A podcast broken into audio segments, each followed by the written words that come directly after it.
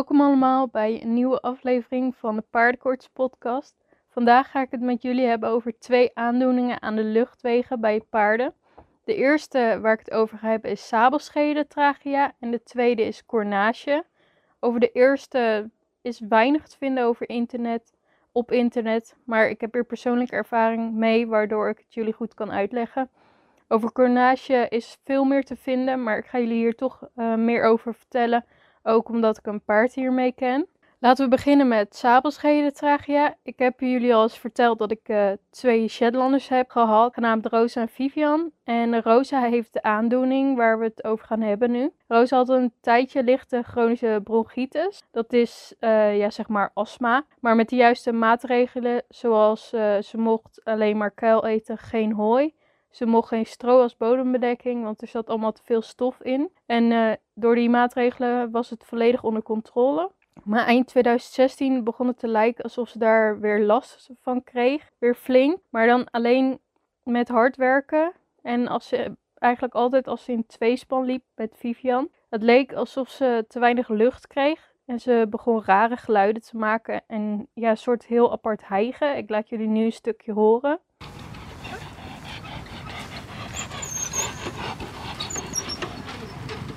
Als ze weer een uh, beetje slechte tijd had, dan gaf ik haar altijd uh, sputolycinpoeder. Hele mond vol bijna. Dit is een poeder die je eigenlijk gewoon overal kan kopen. Het is een uh, slijmoplosser of slijmverdunner.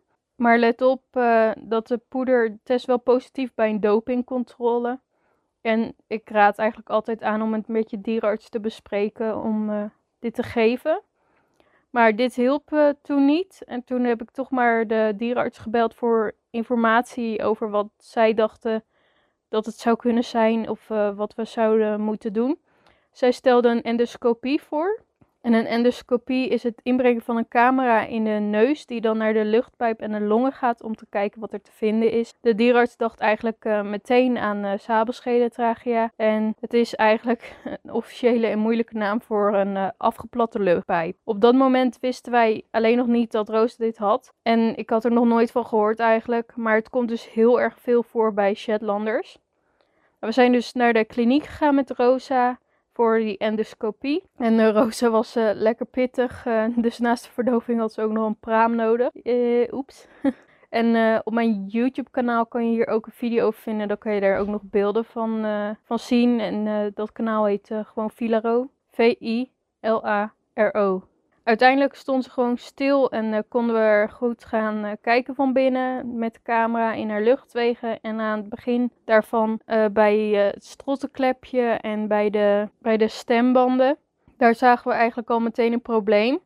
Ze had een dorsale verplaatsing van het zacht gehemelte, waardoor het strottenklepje er soms onder kon schieten, waardoor ze ook meer dat gekke geluid ging maken. Normaal hoort het strottenklepje erop te liggen, maar nu schoof die er telkens onder. En uh, dat maakte dus ook meer dat geluid. Ik kreeg ze minder adem en dan moest ik gaan stappen. En dan kon die weer terugschieten en dan kon ze weer wat meer gaan doen. En toen gingen we verder naar de luchtpijp. Toen zag je eigenlijk meteen dat de luchtpijp niet mooi rond was. Aan één kant was het wel mooi rond, de andere kant was bijna helemaal plat. Ja, het klopte dus dat Rosa ook te weinig lucht kreeg, zoals we dachten. Helaas is het een erfelijke aandoening die ze vanaf de geboorte al hebben en het is progressief, wat wil zeggen dat het alleen maar erger zal worden. Maar hoe snel dat zou gaan, dat verschilt per paard. Um, Rosa reed vol in een mensport en er was dus een kans dat ze er geen wedstrijden meer kon rijden, want er is geen behandeling voor deze aandoening. Een voordeel was wel dat Rosa al 15 was toen we toen ze er last van kreeg en toen we het ontdekten. Wat waarschijnlijk wilde zeggen dat het niet heel snel erger zal worden bij haar. Maar je weet het maar nooit. Ze wordt ook uh, telkens ouder. Toen we erachter kwamen dat ze dit had, um, was het winter. En ik scheer nooit de ponies in de winter. Uh, waardoor de training wat lager was met het mennen. Het advies van de dierenarts was dan ook om Rosa haar conditie te gaan verbeteren. En goed te houden. En dan kijken of dat beter ging en of we dan nog wedstrijden konden rijden. Dit hebben we toen gedaan en in de zomer had ze er sowieso een stuk minder last van. En met het trainen uh, ging het eigenlijk ook wel steeds beter. Dus ze moest echt goed op conditie zijn. En toen heeft ze na de diagnose nog drie outdoorseizoenen wedstrijden gereden. voordat ik haar met wedstrijdpensioen deed. En iets later haar verkocht. Ik deed haar toen met wedstrijdpensioen omdat ik merkte dat ze ja, toch wel een beetje ouder begon te worden. En niet helemaal meer op haar top kon presteren. Daarnaast had ze ook wat last van headshaking uh, voor de wagen. Daardoor hebben we bitloos, zijn we bitloos gaan mennen met haar, wat een stuk beter ging. Alleen je mag geen wedstrijden rijden bitloos. Dus had ik gedacht, ja, dan gaat ze gewoon lekker met wedstrijdpensioen. En toen later heb ik er uh, verkocht. Uh, de nieuwe eigenaren wisten van haar aandoening toen ze haar kochten, maar die vonden het niet erg. En Rosa kochten ze als maatje voor hun uh, bejaarde welspony. Rosa leeft nu nog steeds, maar haar lichaam wordt wel steeds slechter. Ze wordt steeds ouder. En ze wordt dit jaar op 1 juni ook alweer 20 jaar. Um, helaas heb ik ook verhalen gehoord die slechter afliepen. Een Shetlander moest bijna direct met pensioen, mocht niet meer voor de wagen en moest dus heel rustig aandoen. Ja, dat is eigenlijk wel heel zuur en jammer. Ik heb ook gehoord van sommigen dat het al zo erg was of zo erg werd dat de ponies ingeslapen moesten worden. En ik ben bang dat dit voor Rosa ook de oorzaak zal zijn dat ze uiteindelijk ingeslapen moet worden. Maar ik hoop dat ze nog uh, lang uh, mag leven. Dan uh, gaan we door naar Cornage. En op de manege waar ik heb gewerkt en gereden, daar staat een paard genaamd Bink. En Bink heeft ook Cornage. Dus uh, daardoor ken ik uh, de aandoening. Bij cornage is er sprake van een verlamming van één of beide stembanden, maar het is bijna altijd alleen de linkerstemband. En in echt uitzonderlijke gevallen is het of de rechter of allebei. Door de uitval van een zenuwvoorziening van de spieren die de stembanden aansturen, die raakt ver, ja, dan raakt die verlamd.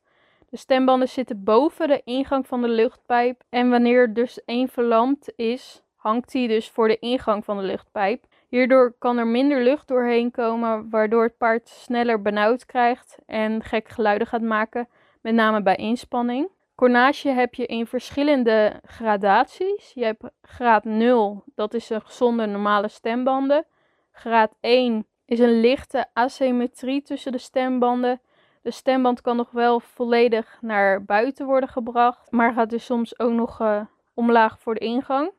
Graad 2 is een duidelijke asymmetrie tussen de stembanden. De stemband kan nog wel naar buiten gebracht worden, maar niet tijdens de gehele inademingsproces. En bij graad 3 is er altijd sprake van asymmetrie tussen de stembanden en bij graad 4 is de stemband volledig verlamd. Cornage komt voornamelijk voor bij grote mannelijke paarden en laat de bink van de manege nu ook uh, ruim zijn en best grof gebouwd. In 95% van de gevallen wordt het veroorzaakt door een erfelijke zenuwaandoening.